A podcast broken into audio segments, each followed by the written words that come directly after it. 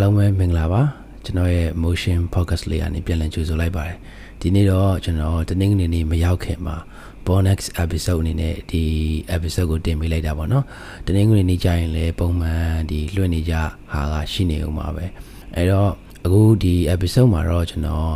Clubhouse ဆိုတဲ့ application လေးအကြောင်းကိုပြောပြချင်လို့ပါမတုံးရသေးရင်လည်းတုံးစေချင်လို့ပါဒီ application လေးကကျွန်တော်တို့ဒီမြန်မာနိုင်ငံရဲ့လူငယ်တွေအတွက်အရန်ကိုအသုံးဝင်နိုင်တာကြောင့် သုံးစေချင်တဲ့အတွက်ကျွန်တော်ဒီ bonus episode လေးကိုကျွန်တော်အတန်သွင်းပြီးတော့တင်ပေးလိုက်ရခြင်းဖြစ်ပါတယ်အဲ့တော့ဒီ Clubhouse ဆိုတဲ့ application အကြောင်းကိုကျွန်တော်အရင်ဆုံးပြောပြပါမယ် Clubhouse ဆိုတာဗျာအခြေခံအားဖြင့်တော့ကျွန်တော်တို့ audio live application တစ်မျိုးပဲ audio အတန်နဲ့ကျွန်တော်တို့ live လွှင့်ပြီးစကားပြောကြတာပေါ့နော်ဟောပြောပွဲပုံစံပေါ့အဲ့လိုစကားပြောကြတာပေါ့အဲ့တော့ကျွန်တော်တို့ Facebook မှာလည်းကျွန်တော်တို့ပုံမှန်ဆိုရင်ဗျာ live တွေလွှင့်ကြတယ် Facebook မှာတော့ကျွန်တော်တို့ကပုံမှန်ဆိုရင် video live တွေလွှင့်တာများတယ်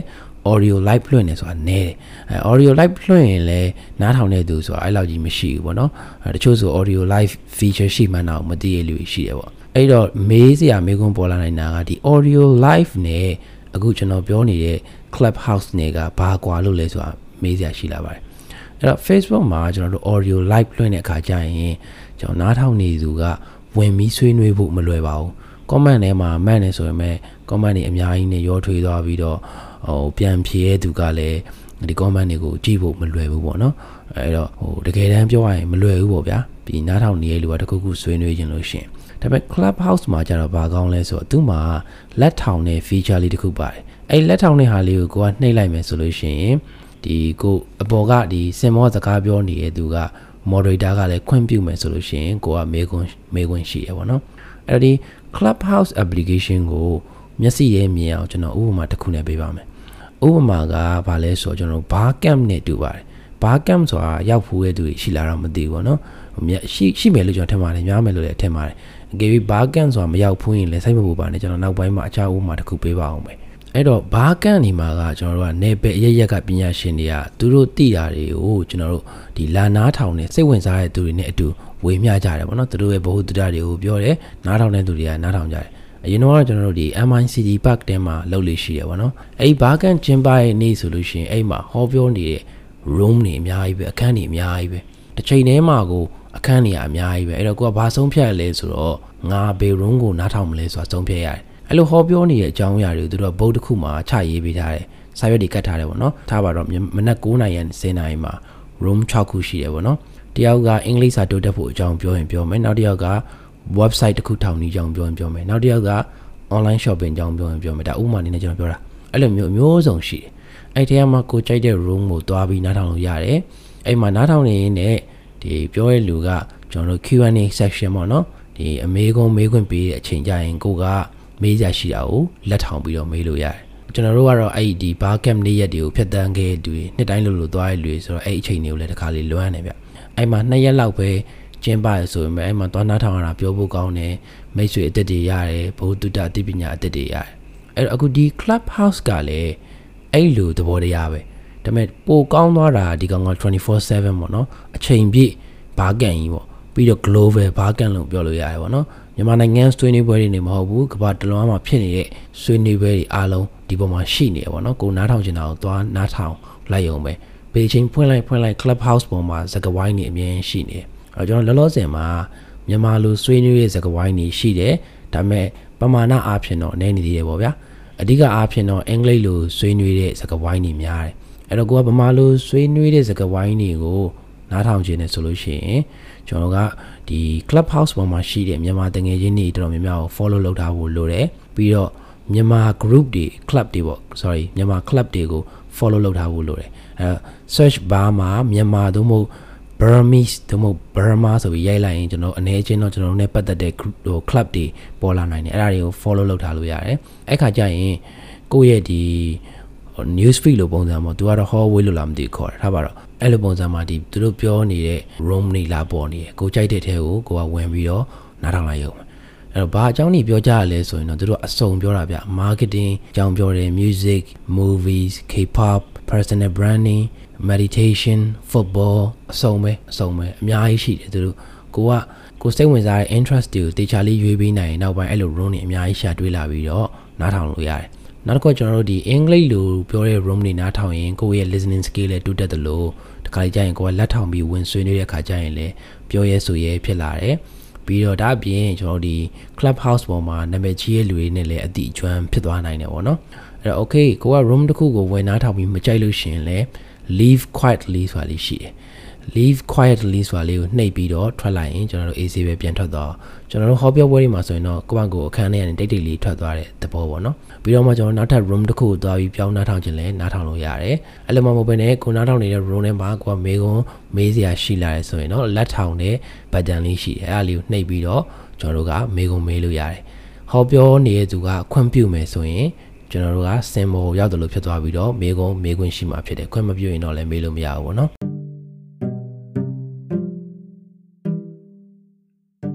ဘာကမသွားဘူးဆိုရင်တော့ကျွန်တော်နောက်ထပ်ဥပမာတစ်ခုပေးပါမယ်အဲ့ဒါကတော့ကျွန်တော်တို့ panel discussion မှာကျွန်တော်တို့ Facebook ပေါ်မှာလည်း live တွေတွေ့ဥမှာပါလူ9ယောက်လောက်သင်ပေါ်မှာဟောပြောနေရအထိုင်ကုန်နေထိုင်ပြီးတော့ တယောက်ကတော့ moderator ပေါ့နော်သူကတော့ဂျားတွေကနေဒီ၄ယောက်ကြားထဲမှာဂျားကန်အနေနဲ့မဲခွန်းနေမေးတယ်ဆွေးနွေးပေးတယ်ပေါ့နော်ဒီ clubhouse ပေါ်မှာလည်းအဲ့ဒီဘောတရားပါပဲဒီစင်ပေါ်မှာလူ9ယောက်လောက်လည်းရှင်းရှိမယ်တယောက်တည်းလည်းရှင်းရှိမယ်နှစ်ယောက်တည်းလည်းရှင်းရှိမယ်အဲ့ဒီမှာမှ moderator လုပ်ပေးတဲ့သူလည်းရှင်းရှိမယ်မရှိပဲအားလုံးကစကားပြောနေရလည်းဖြစ်နိုင်တယ်ပေါ့နော်အဲ့တော့ကျွန်တော်တို့က clubhouse ပေါ်မှာ room တစ်ခုနှိပ်လိုက်ရင်ကျွန်တော်တို့သူတို့စကားပြောနေတဲ့ဟောခမ်းမကြီးတွေဝင်ပြီးတော့နားထောင်တဲ့သဘောပဲပေါ့နော် သူတို့ပြောတာကိုကျွန်တော်တို့မကြိုက်ဘူးဆိုရင်အဲ့ဒီခမ်းမတွေကနေတိတ်တိတ်လေးထွက်သွားလို့ရတယ်အဲ့အတွက် leave quietly ဆိုတာလေးရှိတယ်မေးခွန်းမေးခြင်းလက်ထောင်လို့ရတယ် symbol monitor ခွင့်ပြုမယ်ဆိုရင်မေးခွန်းမေးလို့ရတယ်အဲ့တော့ Facebook audio live နဲ့ဘာကွာလဲဆိုရင် Clubhouse ကကြတော့ကျွန်တော်တို့ audio chat တီးသန့် app ဖြစ်တယ် အဲ့တော့ Facebook ကကြတော့အစုံတော့ app တစ်မျိုးပေါ့နော်ဗီဒီယိုကြည့်လို့ရတယ်နောက်ပြီးတော့ကျွန်တော်တို့စာလဲတင်လို့ရတယ်ပုံလဲတင်လို့ရတယ် audio လည်းရှိတယ် game တွေလည်းရှိတယ်အမျိုးစုံပေါ့နော်ဒီ Clubhouse ကကြတော့ audio live သီးသန့်ဖြစ်တဲ့အတွက်ဒီ Clubhouse app ကိုဖွင့်ပြီးတော့ဒီ app ထဲဝင်လိုက်တဲ့သူကတေချာပေါက်သူဆွေးနွေးပွဲတစ်ခုခုကိုနားထောင်ခြင်းလို့အဲ့အတွက်အချိန်ပေးခြင်းလို့သူဝင်နားထောင်တာပေါ့နော်ကျွန်တော် Facebook ပေါ်မှာကြတော့ audio live ကိုနားထောင်ခြင်းလို့ Facebook သုံးတဲ့သူဆိုတာမရှိဘူး မတော်မဆလမ်းကြုံလို့ဒီဒီ audio live လာနေရတွေ့လို့သူဝင်နားထောင်လိုက်တာပဲဖြစ်လိမ့်မယ်ဒါအပြင် clubhouse မှာကကိုကြိုက်တဲ့ topic တွေပြီးတော့လူပုဂ္ဂိုလ်တွေပြီးတော့ club တွေကို follow လုပ်ထားပြီးတော့အဲ့လို follow လုပ်ထားခြင်းအားဖြင့်ပေါ့နော်ကိုယ့်ရဲ့ဒီ news feed မှာကိုယ့်အတွက်လုံးဝ personalize လုပ်ပေးထားတဲ့ room တွေကိုမြင်ရမှာပေါ့နော်ကိုကြိုက်တဲ့ကိုနှစ်သက်လောက်မဲ့ room တွေပဲပေါ့နော်ပြီးတော့ဒါကိုသုံးတာကြာရင်လေ clubhouse ကကိုအကြိုက်ကိုပိုတိလာပြီးတော့ ကိုကြိုက်လောက်မဲ့စကားဝိုင်းတွေကိုကိုရဲ့ဒီ news feed လိုပုံစံမျိုးမှာလာချပေးဖို့ဖြစ်လာနိုင်တယ်ပေါ့နော်သူရဲ့ဒီ machine learning ကလည်းကောင်းမယ်ဆိုရင်ပေါ့သူရဲ့ဒီ algorithm ကလည်းကောင်းလာမယ်ဆိုရင်ပေါ့နော်အဲ့တော့အခုအခုလောလောဆယ်မှာ Facebook က Clubhouse ကိုပြိုင်ဖို့အတွက် live audio room ဆိုတာတော့လုပ်နေရရှိတယ်ဒါပေမဲ့သူတို့ launch တော့မလုပ်သေးဘူးအဲ့မှာ podcast တွေပါနားထောင်လို့ရအောင်လုပ်မယ်လို့လည်းသိရတယ် အဲ့တော့အဲ့ခါကျမှကျွန်တော်တို့က Facebook က Clubhouse ကိုကြော်တက်မှာလားပါလားဆိုတာကိုစောင့်ကြည့်ရမှာပဲကျွန်တော်အမြင်တော့ Facebook ရဲ့အားသာချက်ကသူကအများကြီး feature တွေလုပ်နိုင်တယ်နေရာစုံခြေဆန့်နိုင်တယ်ဒါပေမဲ့အားနည်းချက်ကသူ့ platform ကိုတက်လာတဲ့ user တွေရဲ့ behavior ပေါ့နော်အဲ့အားနည်းချက်ပဲအဲ့တော့ကျွန်တော်ပြောချင်တာကဗျာကျွန်တော် Facebook သုံးနေဆိုရင်လူတွေကစာအရှိကြီးတောင်မှမဖတ်ချင်ကြအောင်သူတို့ရဲ့ဒီဘယ်လိုပြောမလဲ အာယုံစူးစိုက်နိုင်မှုစွမ်းရည်ဟိုအချိန်ရပါတော့အရင်ကြီးမကြောက် post တစ်ခုကိုခဏလောက်ပဲသူတို့ကြည့်ချင်တယ်ပြီးရင်ကြော်လိုက်ချင်တယ်တခုခုပုံမှာစိတ်ရှည်လက်ရှည်နဲ့အကြာကြီးဟိုနားမထောင်ချင်ဘူးမဖတ်ချင်ဘူးပေါ့နော်အဲ့တော့ Facebook ပေါ်မှာဒီအချိန်ပေးရတဲ့ podcast လိုဟာမျိုးတွေဒီ audio room လိုဟာမျိုးတွေကအောင်မြင်မလားမအောင်မြင်လားတော့ဒါကတော့စောင့်ကြည့်ရမှာပါပဲ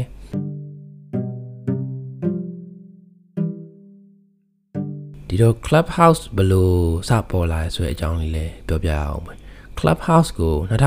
2020မတ်လမှာစပြီးတော့ launch လုပ်ခဲ့တယ်အစပိုင်းမှာ iOS ပေါ်မှာပဲသူတို့ကရတယ်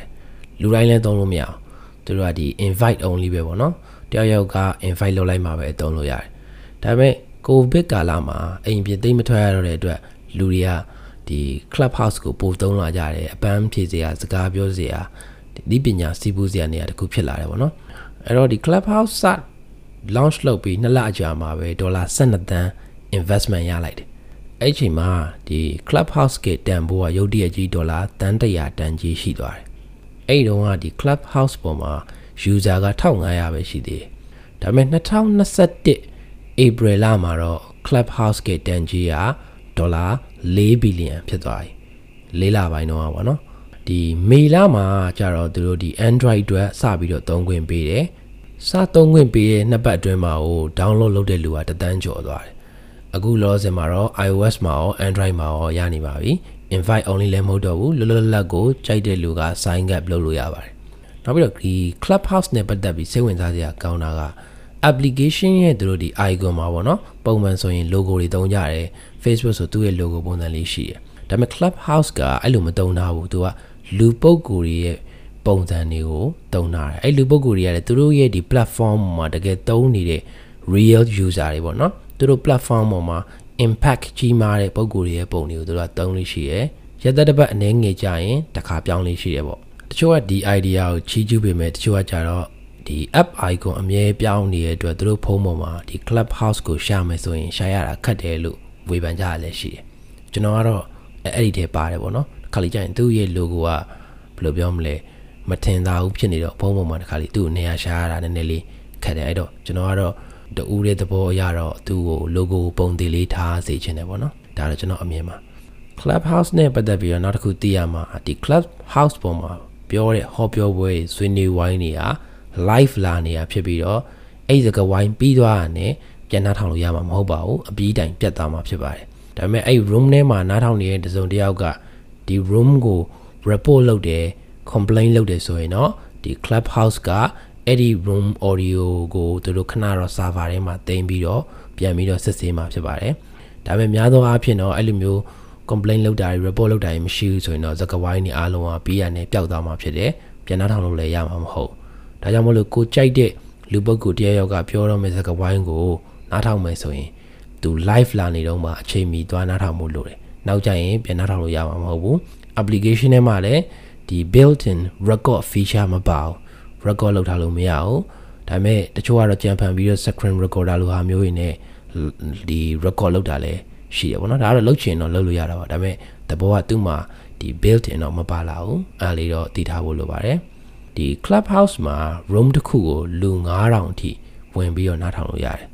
အဲတခါတော့ဒီ Elon Musk ရုတ်တရက် clubhouse ကိုရောက်လာတဲ့အချိန်မှာတော့အဲ့ဒီလူ9000ဆိုတဲ့လက်မြပြည့်သွားတာဖြစ်ဖူးတယ်လို့သိရတယ်အရင်တော့ clubhouse မှာကျွန်တော်ဒီအတန် audio live လုပ်လို့ရရတယ်တယောက်နဲ့တယောက်ဒီစာသားနဲ့ text နဲ့ပေါ့ check လို့မရအောင်အဲ့ option မရှိဘူးဒါပေမဲ့ဒီဇူလိုင်လစပြီးတော့ back channel ဆိုတာလေးထည့်ပေးထားတယ်အပေါ်ထောင်နေတဲ့မြားပုံစံလေးပေါ့နော်အဲ့ဒါလေးနှိပ်လိုက်ရင်ကျွန်တော်တို့ဒီ Facebook Messenger လိုပဲတယောက်နဲ့တယောက်စာရိုက်ပြီးတော့စကားပြောလို့ရတယ် နောက်ပြီးတော့ဒီ Clubhouse ကသူ့ platform မှာ creator တွေအတွက်ဒီ monetization လုပ်ခွင့်ပေါ့နော်ပတ်စံရှာခွင့်ကို US မှာပေးနေပြီလို့သိရတယ် Stripe ဆိုတဲ့ payment company နဲ့သူတို့ဒီ partnership လုပ်ပြီးတော့နားထောင်နေတဲ့သူတွေကဒီဟောပြောတဲ့သူကိုငွေကြေးထောက်ပံ့ခြင်းထောက်ပံ့လို့ရတဲ့ option ပေးထားမျိုးပေါ့နော်ကျွန်တော် Facebook မှာဆိုရင် game လွှင့်တဲ့လူတွေကို star ပေးတဲ့သဘောတရားနဲ့ဆင်တယ်ပေါ့နော်အဲ့တော့ဒီနားထောင်တဲ့လူတွေကသဘောကျတဲ့လူကို သူဒီအလုပ်ကိုရေရှည်လုပ်နိုင်အောင် ထောက်ပံ့တဲ့သဘောပေါ့နော်လူဆိုတာလဲဘယ်လိုပြောမလဲတခုခုကိုပတ်စံလဲရမှလဲဆက်လုပ်လို့ရမှာ哦ပတ်စံတပြားမရဘဲနဲ့အချိန်ကြာကြီးဘယ်သူမှ invest မလုပ်နိုင်ဘူးဒီသဘောပါပဲအဲ့တော့လောလောဆယ်မှာတော့အဲ့လိုပြည်သက်ကထောက်ပံ့တဲ့ပတ်စံကို Clubhouse ကကြားရရင်တပြားမှမဖြစ်ဘူးလို့သိရပါတယ်ဒါလောလောဆယ်အထိပေါ့နော်နောက်ပိုင်းသူတို့စိတ်ပြောင်းသွားရင်တော့မသိဘူးပေါ့ဒါပေမဲ့ဒီ payment gateway ဖြစ်တဲ့ Stripe ကတော့ processing fee အနေငယ်ယူတာရှိပါလိမ့်မယ် Clubhouse ကို celebrity တွေလည်းတုံးတာရှိပါတယ် Kevin Hart တို့ Drake တို့လည်းတုံးကြတယ်ပြီးတော့ Elon Musk တို့ Bill Gates တို့လည်းတခါလေရောက်လာတတ်တာမျိုးရှိတယ် Clubhouse ပေါ်မှာအကြောင်းအရာတွေကတော့မျိုးစုံဆွေးနွေးရတယ်မျိုးစုံမျိုးစုံရှိတယ်အကျိုးရှိရတွေကတော့အများကြီးရှိတယ်ဒါပေမဲ့တခါလေကြရင်ဒီ hate speech ပြောတဲ့အဖွဲ့ကြီးရှိတယ်အဲ့ဒါနဲ့ပတ်သက်ပြီးတော့ဒီ Clubhouse ကသူတို့ပို့ပြီးတော့ထိန်းနိုင်အောင်လုပ်နေရလို့လည်းသိရတယ်ဗောနော်နောက်ပြီးတော့တခါလေကို room ထဲမှာ ရိုင်းဆိုင်နေလူတွေဝင်လာတာမျိုးနောက်ပြီးတော့ဟိုကိုကအဒီပေါက်ပြောနေပြောင်းနောက်တဲ့အဲ့လိုမျိုးပေါ့နော်နောက်ရှက်တဲ့သူတွေဝင်လာမျိုးတွေလည်းရှိတတ်ပါတယ်အဲ့အတွက်တော့ကျွန်တော် blog တို့ဘာတို့ feature ရှိမှတင်တယ်အဲ့လိုကို room ကထုတ်ပြတာ blog လုပ်ပြတာစသဖြင့်ရှိပါတယ် Clubhouse နဲ့ဒီချွတ်စွတ်လုံးဝမတူပေမဲ့ပုံစံတူတွေတော့ရှိတတ်ပါတယ်ဥပမာ Twitter ရဲ့ space ဆိုတာရှိတယ် Reddit talk ပြီးတော့ Spotify ရဲ့ green room ပေါ့နော်အဲ့ဒါကတော့သူတို့စလောက်ထားတာမကြသေးဘူးပေါ့နော် ဒါအပြင်မကြမီလာတော့မဲ့ Facebook ရဲ့ live audio room ဆိုတာလည်းရှိပါသေးတယ်ရေရှည်မှာဘယ်သူကဒီဈေးကွက်ကိုအစိုးမိုးဆုံးဖြစ်မယ်ဆိုတော့အခုချိန်မှာမပြောတတ်သေးဘူးပေါ့နော်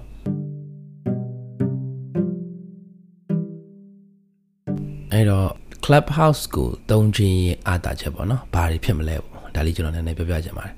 အဲ့တော့ Clubhouse ဒီကျွန်တော်တို့ audio ကိုအားပြုထားတဲ့ platform ဖြစ်တဲ့အတွက်အားတာချက်တွေလည်းရှိသလိုအားနည်းချက်တွေလည်းရှိပါတယ် အဲဒီမှာတော့ကျွန်တော်အားတာချက်တွေပဲအဓိကပြောသွားပါမယ်အားနည်းချက်တွေကတော့ဟိုတိတာတွေအများကြီးရှိပါတယ်အတန်မကြားပြီးရုံမမြင်ရတဲ့အတွက်အားနည်းချက်ဆိုတော့ရှိမှာပဲလေအဲ့တော့အားတာချက်ဘာလဲဆိုတော့ဗျပထမဆုံးချက်ကကျွန်တော်တို့ရုံမလမှာစိတ်ပူစရာမလိုဘာလို့လဲဆိုတော့ကျွန်တော်ဗီဒီယိုကောပြောမယ်ဆိုရင်ကိုကိုနဲ့ပါပြင်ဆင်ရသေးတယ်ကိုရုပ်ကြည့်ရသေးမလားဟိုမပြင်မစင်နဲ့ဟိုစုပ်ဖွားကြီးဖြစ်နေလို့မရဘူးပေါ့နော် main ကလေးဆိုရင်ပို့ဆိုတာပေါ့ဒီတောင်းတောင်း meeting ဆိုရင်တို့ make up တွေပါလေလဲရအောင်ပဲ ပြီးတော့ကိုကိုတောင်းတောင်းယုံကြည်မှုတိတ်မရှိတဲ့ main ကလေးဆိုဟိုဗီဒီယိုကောတွေပါမပြောချင်တာကြီးလည်းရှိတယ်ယောက်ျားလေးလည်းအတူတူပါပဲကိုကိုကိုရုပ်ရည်နဲ့ပတ်သက်ပြီးယုံကြည်မှုမရှိတဲ့အခါအဲ့လိုဗီဒီယိုကောတို့ဗီဒီယိုရိုက်တာတို့ကင်မရာရှင်းမရက်ချင်တာတို့ရှိဒါပေမဲ့ audio ကြတော့အေးအေးဆေးဆေးပဲကိုယ့်ဘန်ကို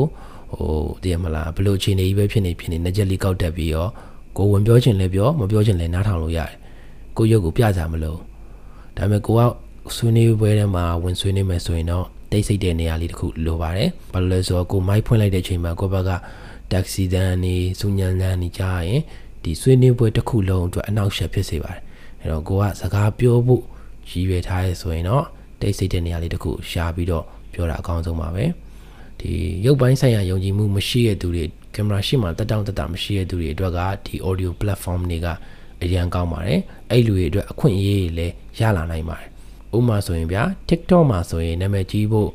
အားထုတ်ရတာဗျာမတူဘူးပေါ့နော် तू ကဒီ visual အသားပေးတာပေါ့ရုပ်သားပေးတာဖြစ်တဲ့အတွက်တောင်းတောင်းကိုယ့်ဘက်ကိုနေတဲ့တဲ့သူဘယ်လိုပြောမလဲရှက်တတ်တဲ့လူဆိုရင် TikTok ပေါ်မှာသွားပြီးနာမည်ကြီးဖို့မလွယ်ဘူးပေါ့နော်အဲတခုနဲ့တခုကနာမည်ကြီးလာဖို့အားထုတ်ရတာချင်းမတူဘူးပေါ့ podcast ပေါ်မှာကြတော့လေတမျိုးပေါ့ TikTok ပေါ်မှာတမျိုး YouTube ပေါ်မှာတမျိုး Facebook ပေါ်မှာတမျိုးတခုနဲ့တခုအားပေးပိတ်သက်တွေကလည်းအမျိုးအစားကြီးမတူကြအောင် အဲ့တော့လူတချို့အတွက်ကကြတော့ဒီသူတို့ကဒီကိုယ်ပိုင်ရည်ချင်းရှိပေမဲ့လည်းပေါ့ဥပမာဘုဒ္ဓတအယံများတယ်စားဖတ်အားအယံကောင်းတယ်သူတို့သိတာတွေအများကြီးရှိဒါပေမဲ့သူတို့ရုပ်ပေါ်မှာသူတို့ယုံကြည်မှုမရှိတာမျိုးသူတို့ကနည်းနည်း introvert ဆန်တာမျိုးဆိုလို့ရှိရင်ကင်မရာရှေ့မှာသူတို့တိတ်ပြီးတော့မနေရကြအောင်အဲ့တော့သူတို့ရဲ့ဒီဘုဒ္ဓတတွေကိုဝေမျှဖို့အရေးအချင်းရှိရတာနဲ့အဲ့အတွက်တင့်တော်တဲ့ platform မရှိတဲ့ပုံစံမျိုးဖြစ်တယ်အဲ့တော့သူတို့ရဲ့ ဘုဒ္ဓတွေကိုအခြားသူတွေကကြာတိခွင့်မရကြဘူးသူတို့ကိုယ်တိုင်လည်းအဲ့လိုဝေမျှခြင်းကနေရလာမယ့်အခွင့်အရေးတွေကိုမရရှိကြဘူးပေါ့နော်အဲ့တော့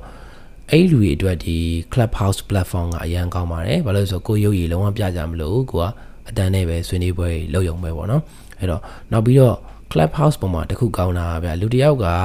သူအကြောင်းအရာတစ်ခုကိုပြောနေရဆိုလို့ရှိရင်ကိုကဝင်နားထောင်လိုက်ဒီလူကတကယ်သိလို့ပြောနေရလားမသိပဲပြောနေရလားဆိုတာနားထောင်တဲ့ audience က ဘယ်လိုပြောမလဲအတိုင်းအတာတစ်ခုအထိပညာရှိရဆိုရင်ဆုံးဖြတ်လို့ရတယ်သူလျှောက်ဖီးလို့လည်းမလွယ်ဘူးပေါ့နော်ဟိုမှာ digital marketing အကြောင်းပြောနေရဆိုရင်မသိရလူတွေတော့သူဖီးလို့ရခြင်းရမယ်သိရလူဝင်နားထောင်တဲ့ခါကျရင်တော့သူပြောနေတာတွေရဲ့ဖြစ်နိုင်မဖြစ်နိုင်နေအလုံးသိတယ်ပေါ့နော်ဒါသဘောတရားပြောပြတာပေါ့အဲ့တော့ကျွန်တော်ပြောချင်တာအဓိကကဒီခုနပြောတဲ့ကိုကိုရုပ်ရည်နဲ့ပတ်သက်ပြီးတိတ်ယုံကြည်မှုမရှိတဲ့သူတွေမျက်နှာတိတ်ထုတ်မပြခြင်းတဲ့သူတွေအတွက် club house ကအရန်ကိုကောင်းပါတယ်နောက်ပြီးတော့ ဒီ club house သုံးမယ်ဆိုရင်ဘာမှ equipment ပစ္စည်းကောင်းကောင်းနေမလို့ပါဘူးအခြေခံအပြင်ကိုမှဖုန်းရှိမယ်နှကြလေးရှိမယ်ဆိုရင်သုံးလို့ရပြီဒီနှကြမရှိလဲသုံးလို့တော့ရပါတယ်ဒါပေမဲ့ဒီတိတ်တော့မကောင်းဘူးပေါ့ဗျာစပီကာကြီးဖွင့်ထားပြီးတော့နားထောင်ဖို့ဆိုတာလည်းမလွယ်ဘူးပြီးတော့ကိုဝင်ဆွေးနွေးဖို့ဆိုတာလည်းမလွယ်ဘူးအဲ့တော့ဖုန်းရဲ့နှကြရဲ့ကတော့အဓိကလိုအပ်တယ်ပေါ့ကိုဝင်ဆွေးနွေးမယ်ဆိုရင်တော့တိတ်ဆိတ်တဲ့နေရာလေးတစ်ခုလည်းလိုတယ်ပေါ့နားထောင်ဖို့ဆိုရင်တော့ဘာမှဖြစ်ပါဘူးဘတ်စကားပေါ်မှာပဲနားထောင်နားထောင်ဘယ်မှာပဲနားထောင်နားထောင်အဆင်ပြေပါတယ်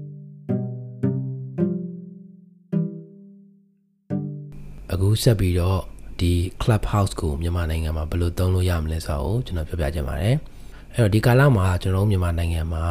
ပညာငတ်နေတဲ့လူငယ်အများကြီးရှိပါတယ်သူတို့တွေကပညာအရန်လိုချင်တယ်ဒါပေမဲ့တင်တန်းတွေလည်းမရှိဘူးကိုဗစ်ကြောင့်ပြီးတော့ဒီအာဏာသိမ်းတာလည်းဖြစ်သွားတဲ့အတွက်ကြောင့်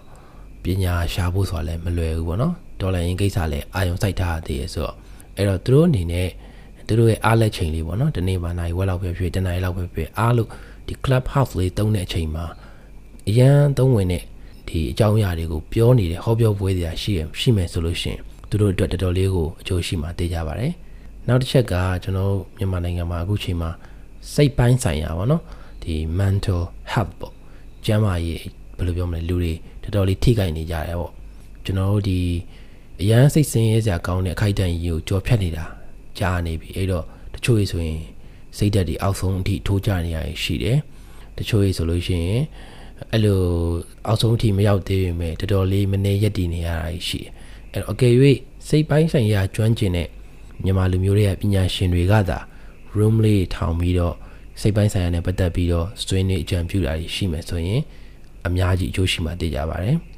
နောက်တစ်ချက်ကျတော့ကျွန်တော်ဒီနိုင်ငံမှာအခုလောလောဆယ်မှာလူငယ်တွေဝင်ငွေနေပါနေကြပါတယ်တချို့ဆိုဝင်ငွေတွေမရှိတော့ပါဘူး အဲ့တော့ဒီ freelance အလုပ်တွေနဲ့ပတ်သက်ပြီးတော့ဘယ်လိုတွေလုပ်ကြမလဲပြီးတော့ဒီနိုင်ငံခြားကပေးတဲ့ payment တွေကိုဘယ်လိုလက်ခံမလဲအားတွေကိုဆောင်ရွက်ပေးနေတဲ့ service တွေဘယ်လိုရှိလဲစသဖြင့်မျိုးစုံဆွေးနွေးပေးမယ်ဆိုလို့ရှိရင်လူငယ်တွေအတွက်အကျိုးရှိတာတွေဖြစ်လာနိုင်ပါတယ်အခုလောဆယ်မှာအဲ့လိုဆွေးနွေးတဲ့ဝိုင်းလေးကျွန်တော်လည်းနည်းနည်းတွေးမိပါတယ်အဲ့တော့ clubhouse မတုံးရသေးရင်တုံးပြီးတော့အဲ့လိုဆွေးနွေးဝိုင်းတွေကိုဝင် join စေချင်ပါတယ် ဒါအပြင်ကျွန်တော်တို့ရဲ့ဒီပြည်သူအစိုးရ NUG အနေနဲ့လည်း clubhouse ကိုအသုံးပြုမယ်ဆိုရင်အသုံးပြုလို့ရပါတယ်သတင်းစာရှင်းလင်းပွဲလုပ်တာမျိုးကအစတုံးလို့ရတယ်လို့ကျွန်တော်တို့ဒီ informal ပုံစံပေါ့နော်ပြည်သူကိုပြန်ပြီးသတင်းပို့တာလည်းလုပ်လို့ရပါတယ်တပတ်တစ်ချိန်ဖြစ်ဖြစ် Sunday ဖြစ်ဖြစ်ပေါ့နော်အဲ့လိုမျိုးမှာသူတို့ဘာတွေလောက်ထားတယ်ပြည်သူကိုချပြလို့ရတာတွေကိုဟိုဒီဘယ်လိုပြောမလဲသကဝိုင်းပုံစံလေးလုပ်ပေးလို့ရပါတယ်မိကုံလက်ခံခြင်းနဲ့လက်ခံလက်မခံခြင်းလဲ